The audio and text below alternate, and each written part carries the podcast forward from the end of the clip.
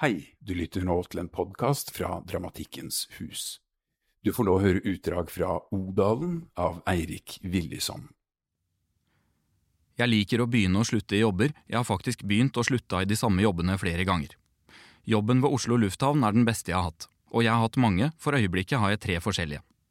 I Oslo lufthavn møtte jeg mennesker som trengte meg og som ikke kjente meg, og jeg forplikta meg til det ene mennesket etter det andre, gjorde nøyaktig hva det mennesket ønska at jeg skulle gjøre, sørga for at det kom seg av gårde til et sted der noe skulle skje, og når det hadde behov for å snakke om seg sjøl, fortelle noen om hvor det kom fra, hva det hadde tatt farvel med eller hvor det skulle, hva det skulle møte, så stilte jeg meg til disposisjon, lytta og stilte et spørsmål og oppfølgingsspørsmål på passende steder. Deretter satte jeg på bremsene og sa ha det bra og god tur videre. Jeg var til nytte for noen, og jeg følte meg fri, til tross for at det var mye å huske på. Når flyvningene var en ankomst fra utlandet og passasjeren skulle reise videre med innenlandsfly, måtte jeg trille vedkommende ned til bagasjehallen og videre gjennom tollen, og i tillegg måtte jeg finne ut om flyene passasjeren skulle skifte mellom, tilhørte samme flyselskap, for hvis de gjorde det, var bagasjen sjekka helt fram, men hvis ikke måtte passasjeren reinsjekke, altså plukke opp bagasjen i bagasjehallen, det vil si jeg måtte plukke den opp, og trekke trillekofferten bak meg mens jeg skjøv passasjeren foran meg, og ta heisen opp til avgangshallen og sjekke inn bagasjen på nytt. Passasjerene som skulle reinsjekke var som regel ikke klar over det sjøl, og det var ofte ikke mange minutter til det neste flyet skulle ta av, så jeg måtte huske å insistere på å se bagasjekvitteringa, og det gjorde jeg mens vi sto i heisen, enten fra broa og opp til mesaninen eller fra mesaninen og ned til bagasjehallen, for å spare tid.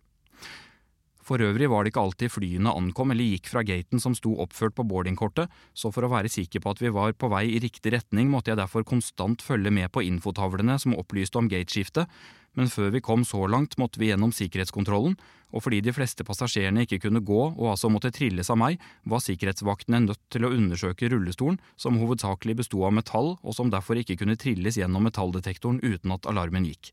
Så snart passasjeren hadde passert gjennom den pipende metalldetektoren, fant en av sikkerhetsvaktene fram en liten strimmel som ble gnidd på forskjellige steder på rullestolen, og så ble strimmelen installert i en liten datamaskin som opplyste om hun hadde tatt til seg spor av eksplosiver, og i så fall hvilket eller hvilke stoffer det dreide seg om.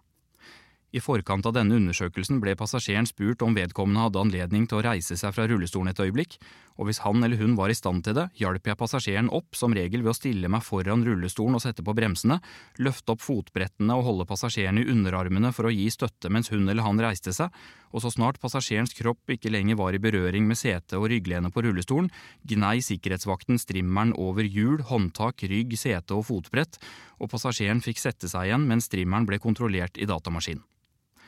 Når det av bevegelseshemming rett og slett var umulig for passasjeren å reise seg, bevega sikkerhetsvakten forsiktig og så godt det lot seg gjøre på de av personens kroppsdeler som var i direkte kontakt med rullestolen og derfor forhindra undersøkelsen, eksempel bøyde overkroppen forover, gnei strimmeren raskt over rygglenet og lente overkroppen tilbake igjen, etter først å ha forsikra seg om at passasjeren ikke hadde store smerter i den delen av kroppen. Når rullinga, som var det vi kalte oppdragene, var en ankomst og passasjeren hadde elektrisk rullestol, måtte jeg gå ned på bakken og hente den, altså rullestolen, fordi elektriske rullestoler er for store og tunge til at en av stuerne kan bære dem opp den lille trappa til broa og det var bare installert heiser i annenhver bro, så når rullinga var på en av gatene uten heis og det var elektrisk rullestol i lasterommet, måtte jeg stå utafor flyet og vente til en av stuerne hadde fått lempa ut, trille den bort til gaten ved siden av, trekke adgangskortet i kortleseren og trykke på heisknappen, vente til heisen kom ned på bakkenivå, åpne døra, henge meg bakpå rullestolen og vippe den over kanten, dytte den inn og ta heisen opp til broa, dytte den videre opp mot gaten, holde den fast med den ene hånda for at den ikke skulle rulle bakover mens jeg trakk kortet i kortleseren, sparke fra og skyve den opp på gaten, videre bortover piren til den riktige gaten, trekke adgangskortet og skyve rullestolen, eller rettere sagt holde den igjen så den ikke rulla ned broa på egen hånd, til flyet. Dette hadde tross alt gått greit til å begynne med mens det ennå var høst, men da det begynte å snø ble det verre, for brøytebilene la igjen isvuller og snøfonner inntil broene, og det var anstrengende å dytte de elektriske rullestolene gjennom og over disse fonnene og svullene, og joggeskoa var glatte. Ser vi bort fra mangelen på heis i annenhver bro, var hele infrastrukturen ved Oslo lufthavn Gardermoen konstruert ut fra en idé om at store menneskemengder skulle bevege seg gjennom bygningsmassen på en mest mulig effektiv måte, og fra tid til annen hadde jeg faktisk en opplevelse av å være i en strøm, fra gaten til ankomsthallen via bagasjehallen, og fra avgangshallen til gaten via sikkerhetskontrollen, en jevn og uopphørlig massebevegelse. Men det varte aldri lenge, relativt ofte var det en passasjer i veien, og jeg greide ikke å slutte å forundre meg over hvor mange som presterte å være i veien for andre som var på vei i samme retning som dem sjøl. Folk visste utmerket godt hvorfor de befant seg på flyplassen, de skulle fly, og ikke med et hvilket som helst fly, for det var ikke flyvningen i seg sjøl de hadde betalt for og var her for, men for å komme seg på raskest mulig måte til et annet sted, et helt spesielt sted, og derfor kunne de ikke spasere inn i hvilket som helst av alle flyene som sto oppstilt inntil broene, det var dessuten umulig å passere gjennom alle unntatt én gate med boardingkortet de hadde fått utdelt ved innsjekkingsskranken. Det gjaldt altså å finne denne ene gaten og ikke minst rekke fram til den før den stengte, og jeg kunne ikke forstå annet enn at dette var såre enkelt ved den lille, oversiktlige lufthavnen Oslo-Gardermoen. Hadde du først kommet deg til avgangshallen og fått sjekka inn, burde det være umulig ikke å få øye på sikkerhetskontrollen, og derfra var det tydelig skilting til enten utenlands- eller innlandspilen, og så snart du befant deg på riktig pir, kunne du se at gatene lå på rekke og rad med lysende nummerskilt i stigende rekkefølge.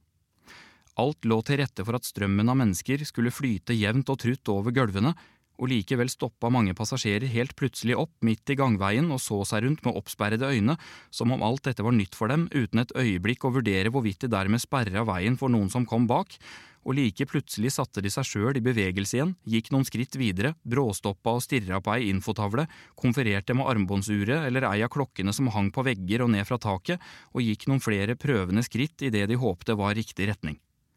Og rett som det var, klorte noen tak i genseren min og stilte spørsmål med høy stemme.